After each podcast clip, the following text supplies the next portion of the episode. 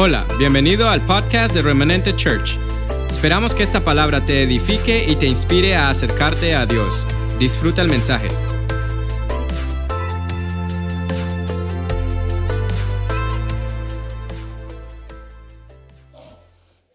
Ok, ya me colocaron el tiempo aquí, quiere decir que estamos listos para escuchar la palabra de Dios en esta mañana. El título, voy a empezar dándoles el título, porque tengo bastante que compartir. Papá, muchas gracias. El título es, es Ahora eres tú. Ese es el título. Ahora eres tú. Para las personas que nos gustan las series, a mí me gustan las series, que nos gustan escuchar estas series, estas prédicas por series, y yo les voy a ser muy honestos, yo le estoy orando al Señor que me enseñe cómo es que funciona eso. Porque he tratado de preparar series y me pego una enredada es como ponerme dos pies, dos zapatos izquierdos y no he podido hacerlo. Pero le estoy orando a Dios que me ayude, quiero hacerlo, quiero compartirlo. A mí me gustan las series y yo sé que aquí hay muchas personas que me han dicho y me han comentado que les gustan las series. Pero cuando yo analizo los tres domingos anteriores de lo que Dios ha venido trayendo a la casa del Señor, me doy cuenta que hay un orden muy bonito en lo que Dios ha estado compartiendo. Me doy cuenta que hay un orden serial de los temas que Dios ha venido manejando para esta casa. Y para prueba de eso, les voy a leer lo siguiente. Estamos viviendo la hora de la verdad, mas no te preocupes porque nada se perderá. Eso sí, no te dejes distraer porque ahora eres tú. Esos son los títulos de los últimos cuatro domingos, incluyendo el día de hoy. Me díganme ustedes si Dios no tiene todo coordinado. Y no todos los títulos los di yo. Unos títulos los dio mi esposa. Entonces, Dios maneja su serie a su manera conmigo, así que denme tiempo, por favor. Creo, creo que es indispensable reconocer que desde el principio de nuestras vidas, desde la creación, pero desde el principio de nuestras vidas, desde que estábamos en el vientre de nuestra madre, Dios siempre ha tenido un plan con nosotros, con todos y con cada uno de nosotros. Es indispensable, esto es indispensable que lo reconozcamos, que lo aceptemos, que no dudemos en nuestro corazón, no permitamos la duda aquí, pensamientos que nos hagan dudar si realmente Dios tiene un plan con nosotros. Yo escucho que los predicadores dicen eso. Yo escucho que los pastores hablan de un plan, de un propósito, ¿Será cierto? La palabra me enseña en Salmo 139, 16, lo he dicho muchas veces, pero si quieres tomar nota, Salmo 139, 16 dice, me viste antes de que naciera. Cada día de mi vida estaba registrado en tu libro. Cada momento fue diseñado antes de que un solo día pasara. ¿Quién puede decir que Dios no tiene un plan con nosotros? Si la palabra a mí me enseña todo lo contrario. Dios sí tiene un plan con nosotros. Y dice que cada momento, ni siquiera dice cada día, dice cada momento de nuestras vidas, Dios lo diseñó y lo registró en su libro antes de que un solo día pasara. Antes de que nos dieran la nalgada cuando nacíamos, cuando nacimos antes de todo eso.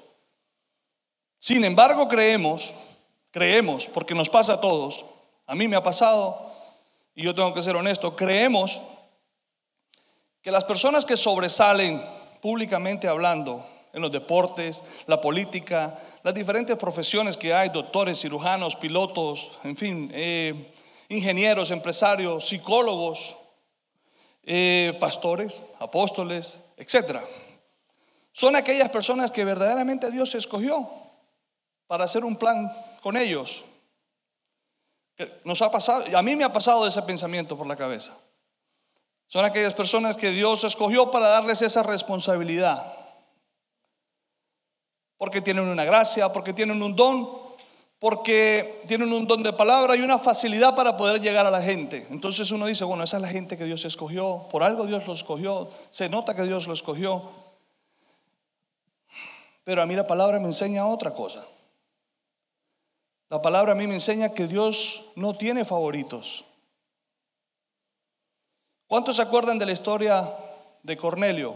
Que a propósito, Cornelio es un romano, pero el nombre Cornelio está disponible para los bebés que estén naciendo, si les gusta.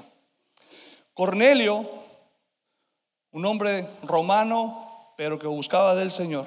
El Señor le dio instrucciones para mandar a llamar a Pedro a casa.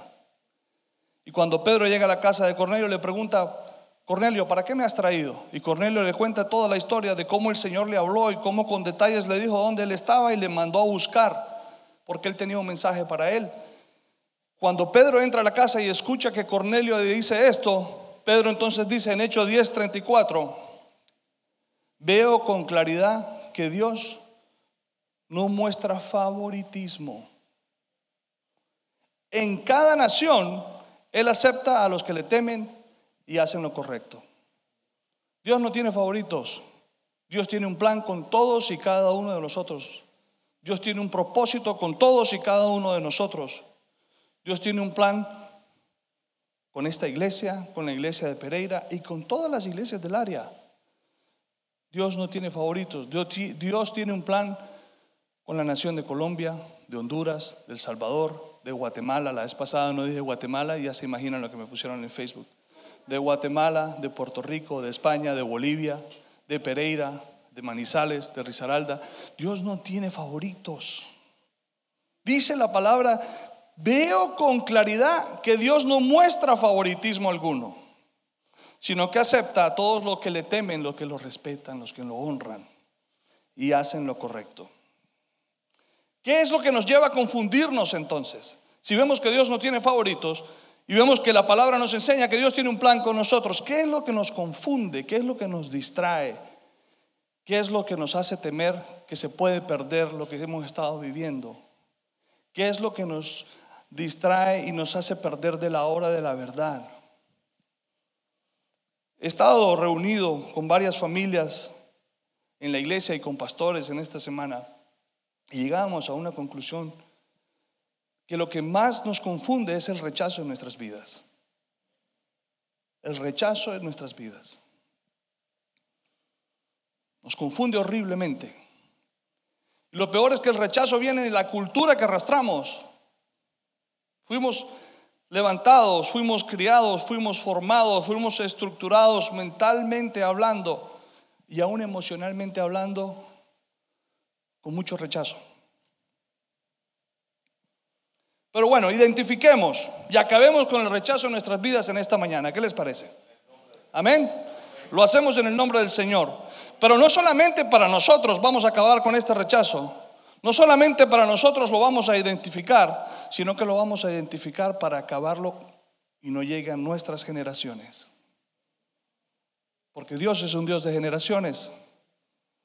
Dios es un Dios de generaciones. Por eso en esta mañana, ahora eres tú. Dígale a su vecino, ahora eres tú. Ahora eres tú. Dios te escogió a ti en esta mañana. Ahora eres tú. Amén. Dice Deuteronomio 14:2. Pongan cuidado a esto. Me gustó cuando lo encontré, lo leí, me ministró muchísimo. Dice, tú fuiste separado como pueblo santo para el Señor. Tú fuiste separado como pueblo santo para el Señor.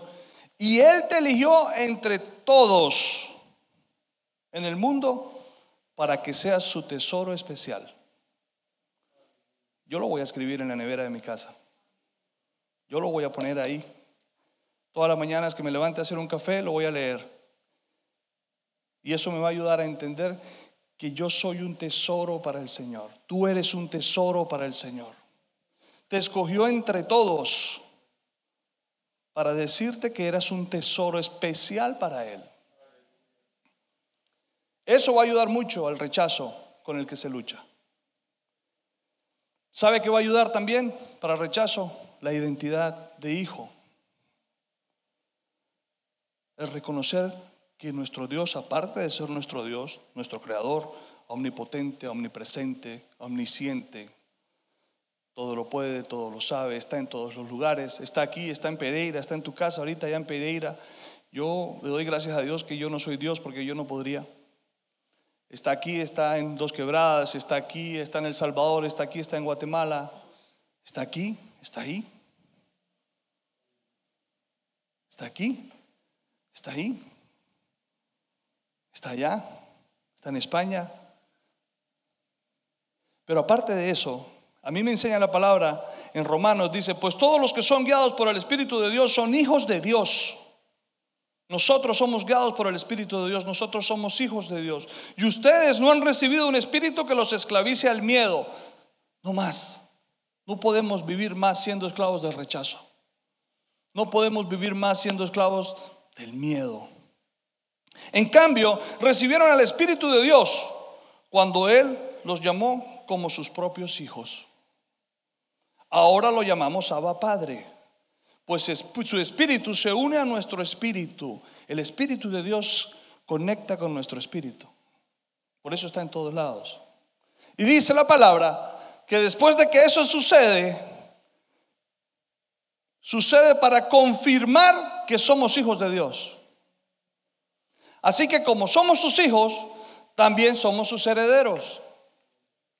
Usted que decía que no tenía herencia, que su papá no le había dejado nada, que le dejó deudas. Y Dios, te, Dios tiene tesoros para ti, porque tú eres su hijo. Dios, todo lo que está en la tierra es de Él. El ser humano que tenga X cantidad de dinero en el banco y crea que es el dueño de ese dinero está perdido. Porque todo le pertenece al Señor. Usted sabe que todo el dinero que usted tiene en sus manos, Él ha permitido que le llegue a sus manos para que usted se lo administre. Usted, usted y yo somos unos administradores de la bendición de Dios. Disfrutamos la bendición de Dios, pero Él es dueño de todo, de nuestra salud. Nos dio aliento de vida y así como nos lo dio en cualquier momento, nos lo puede quitar. Todo. Si usted cree que tiene dos y tres carros en esta nación y por eso usted tiene éxito, déjeme decirle que no tiene nada. Porque el día que usted se muera, no van a poder meter esos carros ahí en el hueco ese donde usted se va. No tienes nada. No tenemos nada, no somos dueños de nada.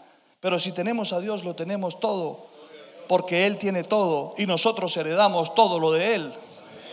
Amén. Entonces, somos hijos de Dios. Somos herederos de toda la bendición de Dios, pero también somos herederos de su gloria. Así dice la palabra.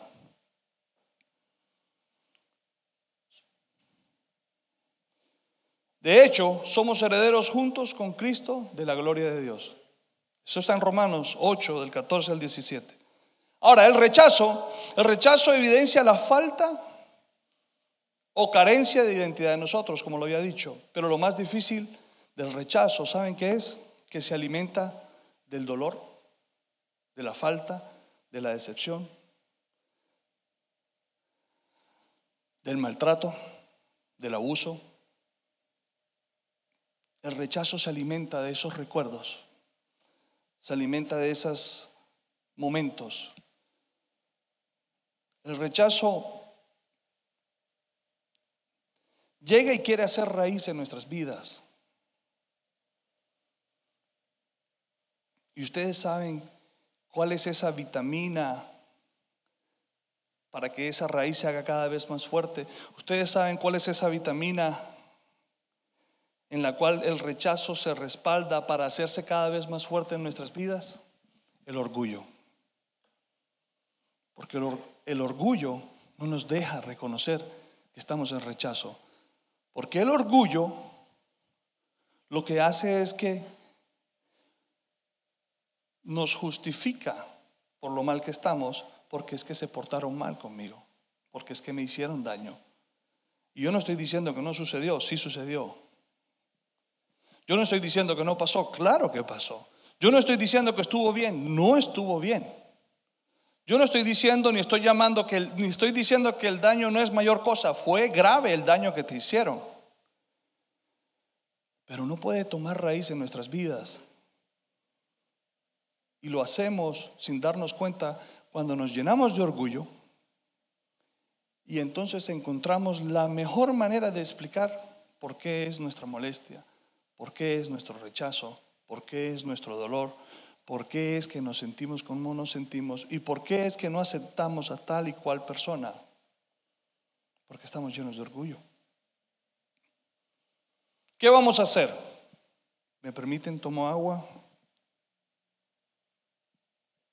Gracias. ¿Qué vamos a hacer entonces ante esto? ¿Cómo podemos atacar este rechazo en nuestras vidas? ¿Cómo podemos atacar y eliminar este rechazo en nuestras vidas? Vamos a acabar con ese orgullo. Y la mejor forma de hacerlo es por medio de la humildad. Es sencillo. Quizás ustedes dirán, bueno, la palabra es, es sencilla. Y yo lo pensé también, sí, es bastante sencilla.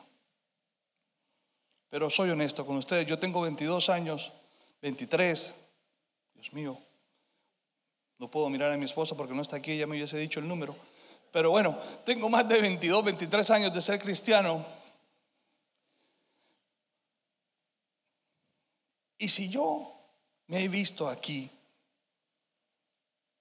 aquí luchando con ese rechazo, me van a decir ustedes que ustedes no. Seamos honestos. Seamos francos. Seamos transparentes. Vivamos una vida en integridad con Dios. No escondamos, no nos sirve esconder las cosas. Cuando usted esconde algo, eso que usted esconde no va a sanar. ¿Sabe usted qué sucede cuando usted le echa tierrita? Hace raíz. ¿Usted nunca le ha tocado en verano arrancar la maleza que crece en su casa? Y se agacha usted y da dos, tres, dos horas, veinte, dos horas, mentira, veinte minutos 20 minutos arrancando maleza y ya me duele la espalda. Y lo peor es que toda la maleza que he arrancado, he arrancado la parte de arriba porque la raíz se queda abajo. Y va a salir otra vez en dos semanas. Así sucede cuando uno le echa tierrita. Necesitamos de raíz sacar el orgullo de nuestras vidas. Por lo menos, por lo menos, por lo menos identificarlo y no echarle más tierrita.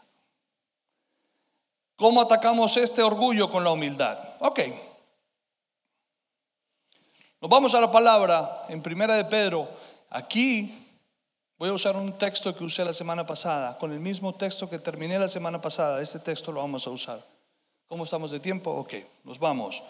Primera de Pedro 5:5 habla Pedro aconsejando a los jóvenes, todos los jóvenes que estamos aquí en esta casa de 80 años para abajo, todos.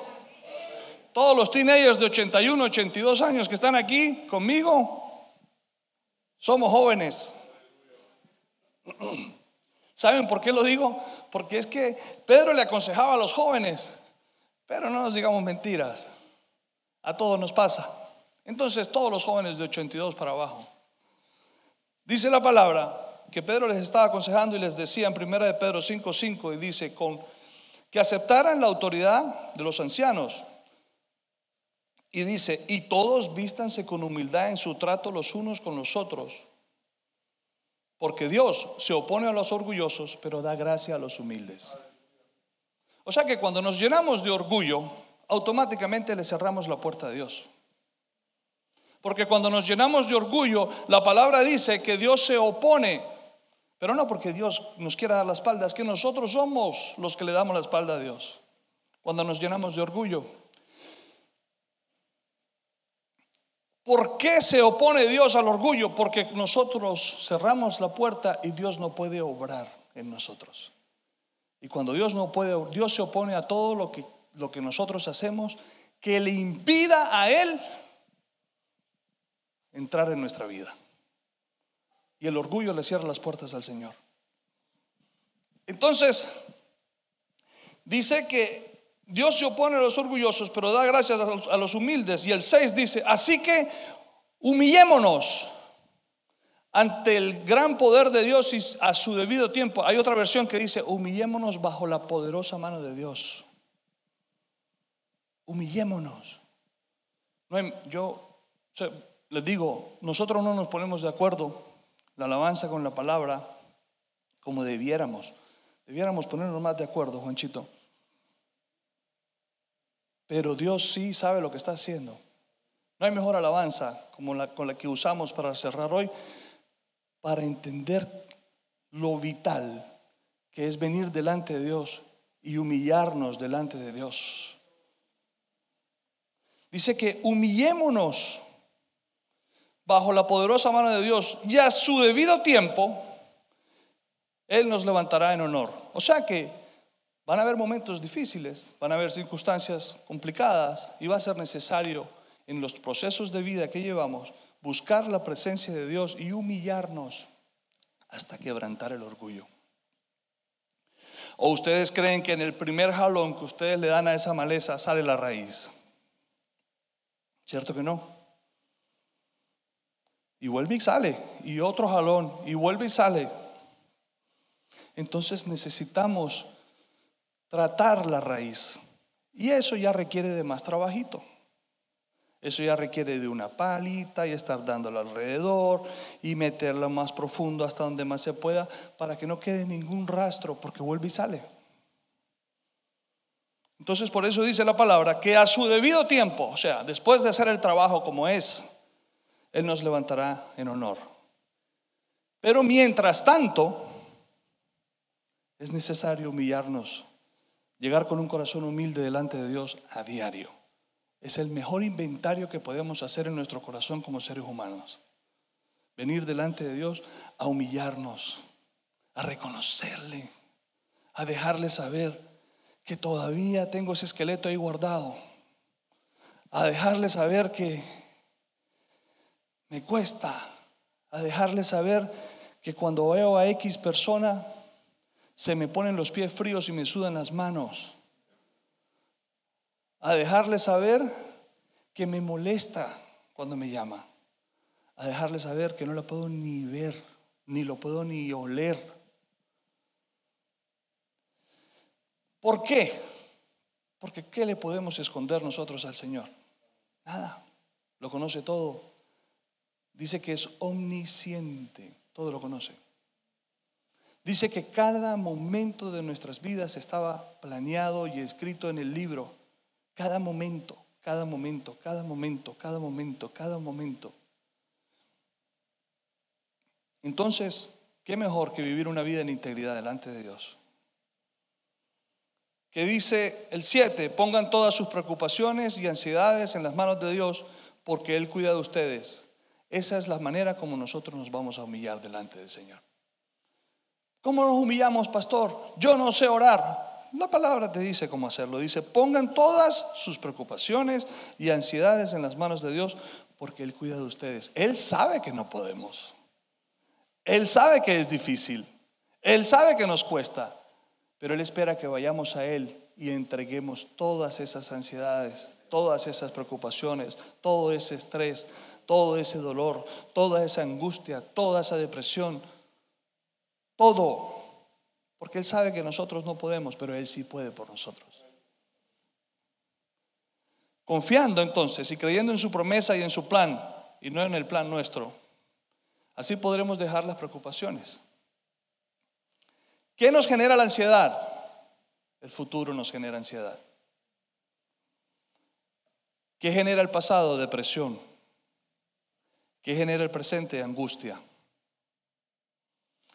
Por eso Pedro 5.8 dice, estén alerta, cuídense de su gran enemigo, el diablo, porque anda al acecho como león rugiente buscando a quien devorar. Eso quiere decir que él no se va a detener. Eso quiere decir que Dios se anticipó y nos dice lo que tenemos que hacer. Eso quiere decir que no te dejes distraer.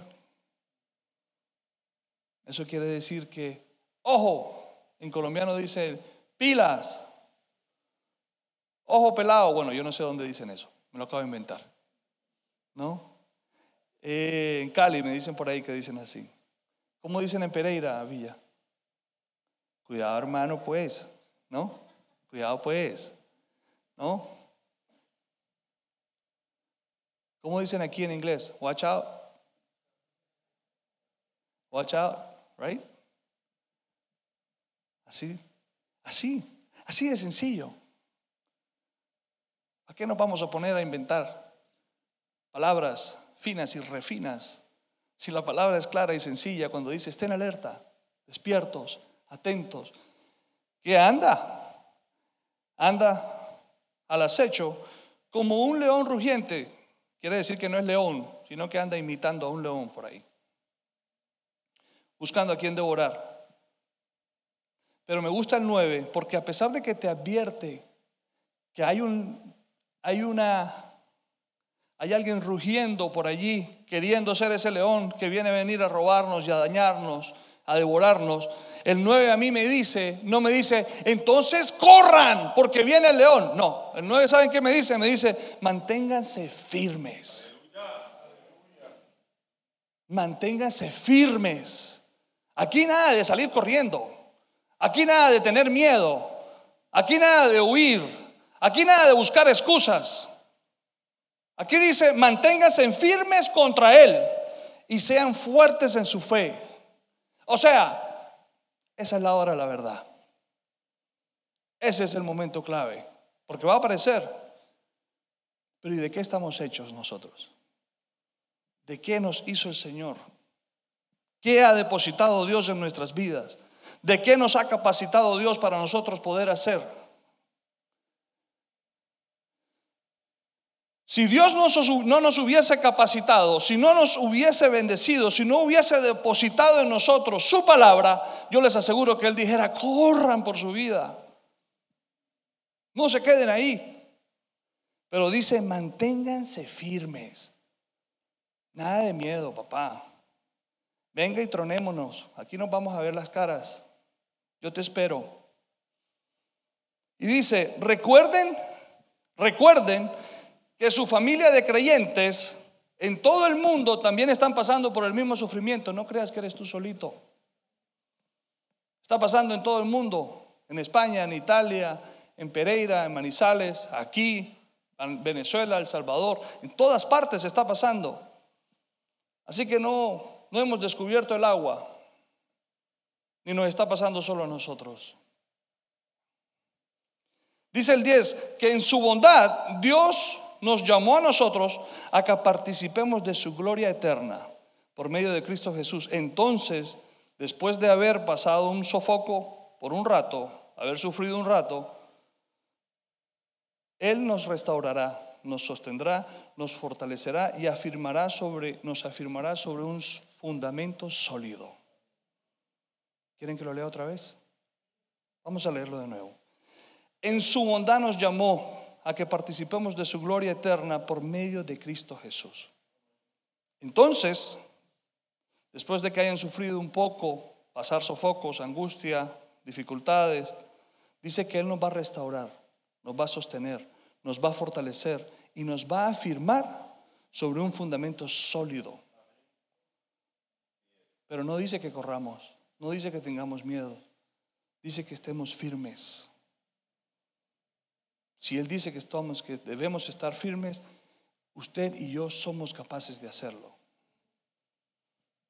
Sabes que hay ocasiones en batallas que tú y yo tenemos en donde solamente es necesario presentarte a la línea de batalla con fe y el Señor hace el resto. En la Biblia hay muchas historias de hombres que Dios les dijo, yo peleo por ti, pero ve y sube, le dijo un rey.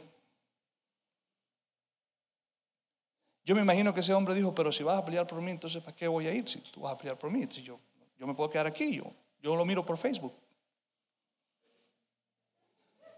¿No? Yo lo miro por YouTube. No. Él te dice, ve y sube. Y ve al encuentro. El miedo no es de nosotros. El miedo nada tiene que ver con nosotros. El temor, la intimidación no va con lo que Dios ha dicho acerca de nosotros. Él quiere que seamos valientes, que nos esforcemos y seamos valientes. Él quiere que tengamos firmeza, Él quiere que tengamos fe, Él quiere que confiemos en lo que Él ha dicho, Él quiere que confiemos en lo que Él ha depositado y Él quiere que nos presentemos a la línea de batalla. Y allí Él decide si los acaba o te dice cómo acabarlos.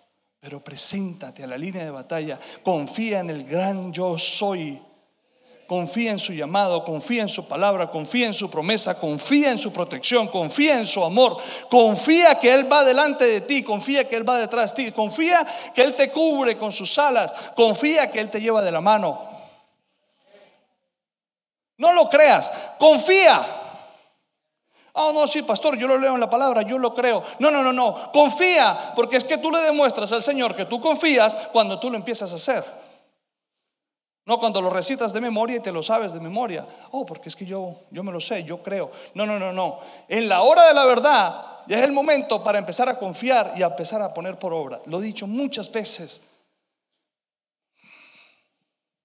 La hora de la verdad no tiene nada que ver con el temor. La hora de la verdad tiene mucho que ver con la valentía que se necesita para poder mirar al rechazo cara a cara y humillarnos delante de Dios, para poder mirar el orgullo cara a cara y humillarnos delante de Dios, para que Él se glorifique en nuestras vidas, depositando en Él toda la ansiedad, toda la angustia, todo el dolor, toda la preocupación. Primera de Pedro, capítulo 5. Ahora, si ya estamos revestidos de humildad, entonces estamos listos para afrontar los retos presentes y los venideros.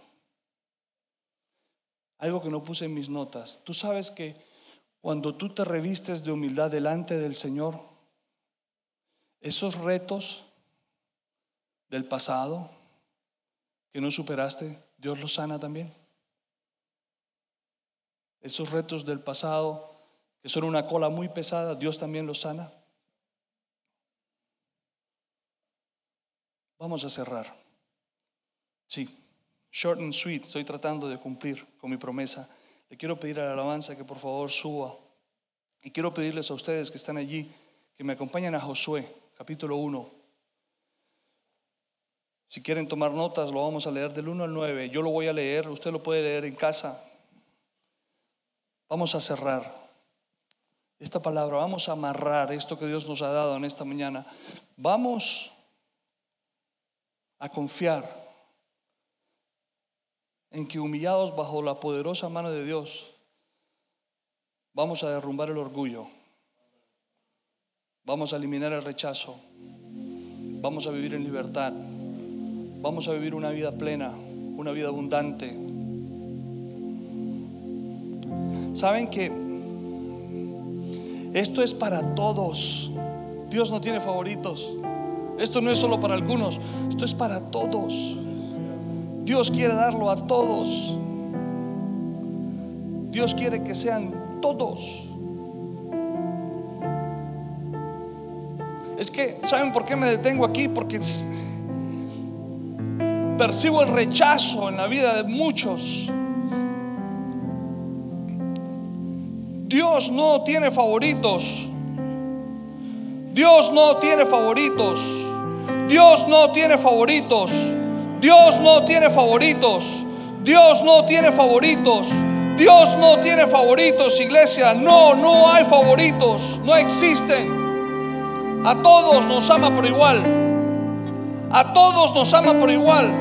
A todos nos ama por igual. A todos nos ama por igual. A todos nos ama por igual. A todos, a todos, a todos, a todos, a todos, a todos, a todos, a todos.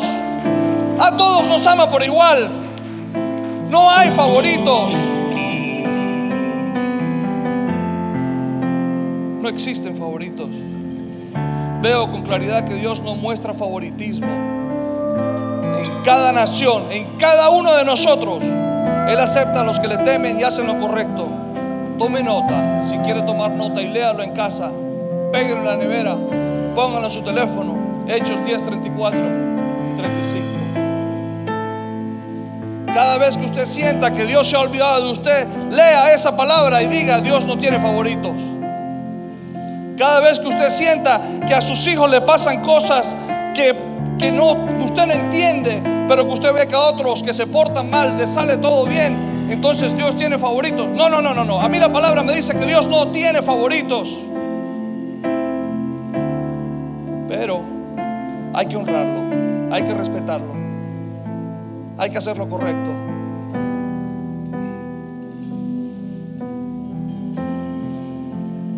Después de que murió Moisés, el siervo del Señor, habló el Señor con Josué, hijo de Nun y ayudante de Moisés.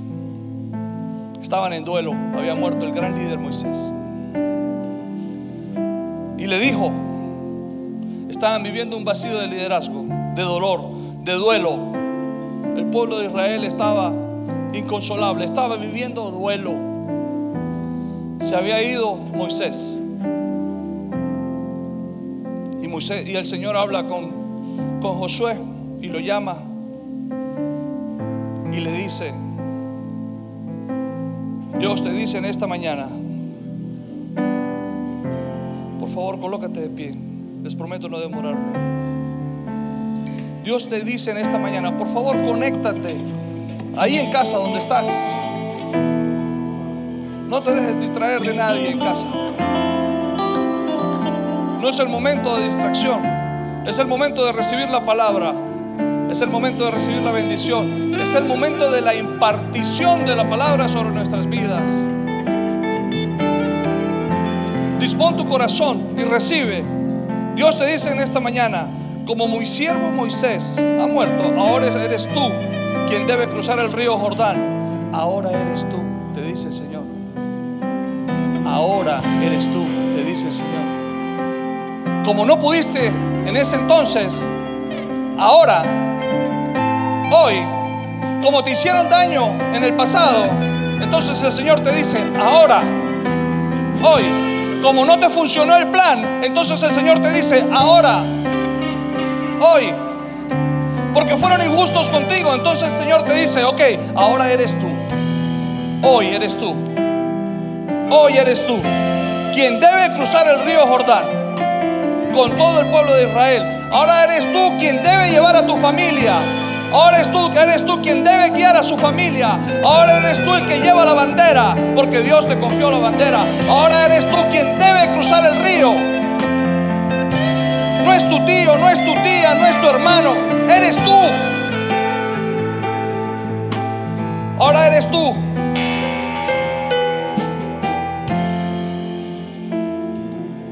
Para ir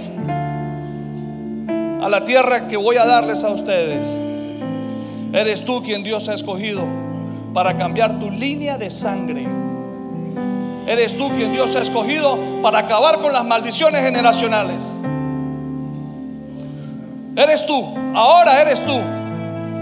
Ahora eres tú quien Dios ha escogido para cambiar la historia de tu familia. Ahora eres tú. Ahora eres tú quien Dios ha escogido para traer bendición en vez de maldición. Revisemos, vámonos atrás, miremos la familia. Oh, que es que en mi familia hay divorcios, en mi familia hay cáncer, en mi familia hay escasez, en mi familia hay pobreza, en mi familia hay adulterio, en mi familia hay fornicación, en mi familia hay drogas. Pero hoy te dice el Señor que ahora eres tú el que el Señor escogió para cambiar tu generación. Va a cambiar tu vida. Te va a sanar, te va a restaurar. Vamos a derrumbar el orgullo. Vamos a acabar con el orgullo porque nos vamos a humillar delante del Señor. Vamos a soltar nuestra ansiedad, nuestra angustia, nuestro dolor. Y entonces el Señor te dice, ahora eres tú el que va a cruzar el Jordán el que va a cambiar la tristeza en gozo y alegría. Eres tú. Señor, pero ¿cómo voy a ser yo si he llorado tanto? Es que eso he llorado, eso fue ayer. Nada se va a perder. Hoy, ahora eres tú. El que va a traer abundancia. Ahora eres tú. El que va a conquistar de la mano de Dios. ¿Por qué, Señor? ¿Por qué soy yo? Señor, ¿por qué soy yo si yo no soy capaz? Señor, ¿por qué soy yo si yo no lo puedo hacer? Señor, ¿por qué soy yo si yo no puedo hablar? Decía Moisés. Señor, ¿por qué soy yo? Josué pudo preguntar, Señor, ¿por qué soy yo? Y el Señor, tú puedes preguntarle, Señor, ¿por qué soy yo? Y el Señor te dice, tal como se lo prometí a Moisés, yo les daré la tierra donde ustedes pongan el pie, donde usted afirme, eso es suyo. Donde usted se pare firme y resista al enemigo, eso es suyo. Donde usted se pare firme y le diga, hasta aquí, ahí eso es suyo. Donde usted ponga el pie, donde usted se pare en Dios, eso es suyo, esa es su herencia.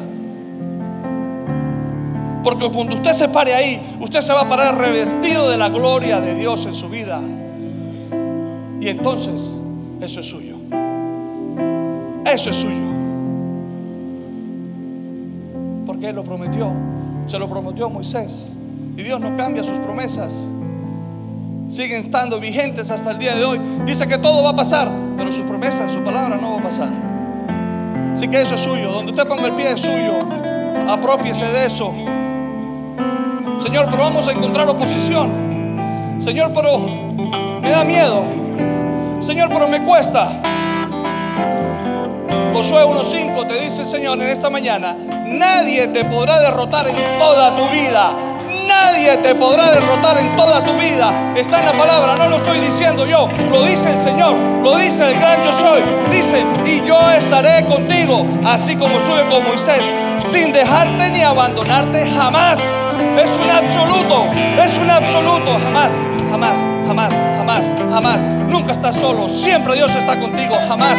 Todos los días de tu vida, cada momento de tu día, de tu vida, aunque no haya pasado un solo día, jamás, jamás, jamás. Ten valor y firmeza, dice el Señor. Esfuérzate sea valiente, dice otra versión. Que tú vas a repartir la herencia a este pueblo, pues es la herencia que yo prometí a tus antepasados. La herencia, lo que Dios te ha dado, tú lo vas a repartir en tu familia. Para eso necesitas un corazón justo. Para eso necesitas humildad en tu corazón. No podemos repartir una herencia llenos de arrogancia. No podemos, Dios no nos puede confiar una herencia llenos de orgullo.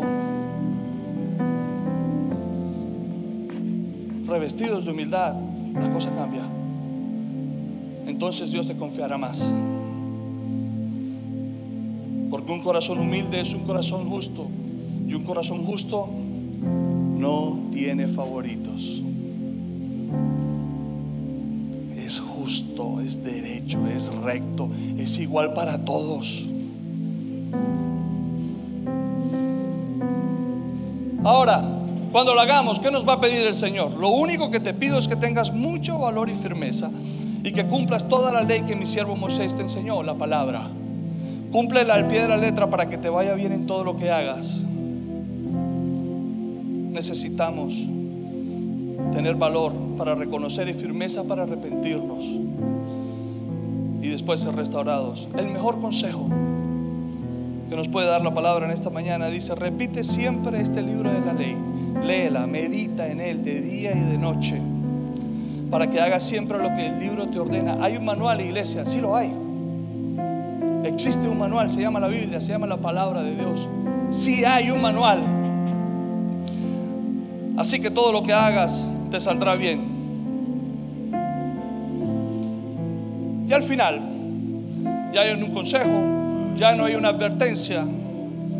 Al final hay una orden. Hay una orden del jefe. Hay una orden de papá que dice, yo soy quien te manda. Hay otra versión que dice, mira que te mando.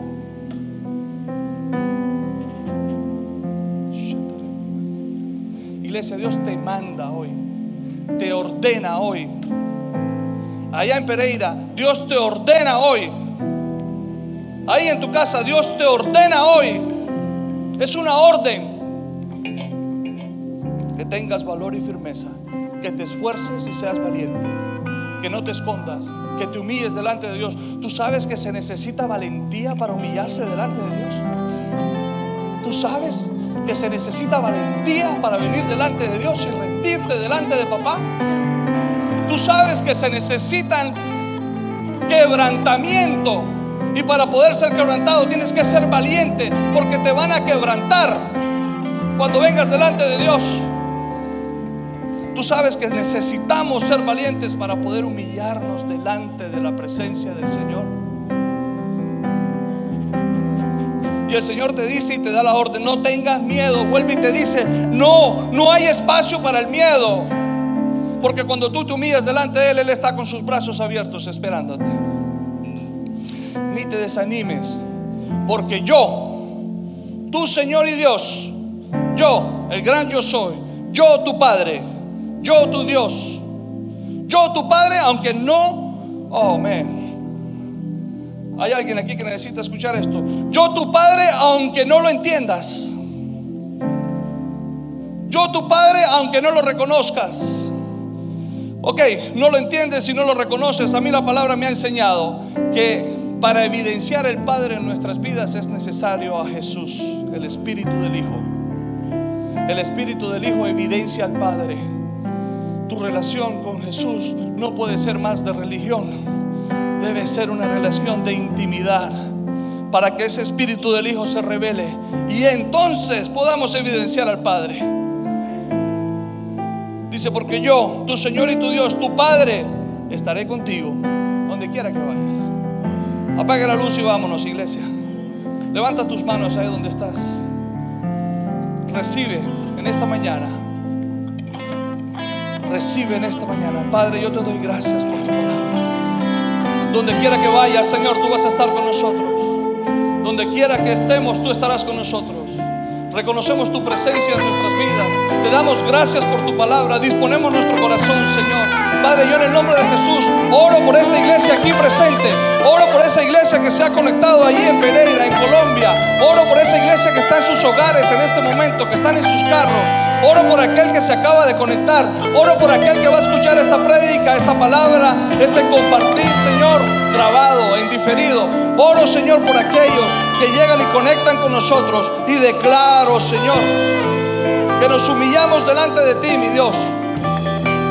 Nos rendimos a tus pies, nos llenamos de valentía, nos llenamos de valor para rendirnos, para humillarnos, para reconocer, Señor, para que sanes nuestro pasado, Señor, para que nos restaures en nuestro presente, mi Dios, para que nos proyectes a un mejor futuro, mi Dios.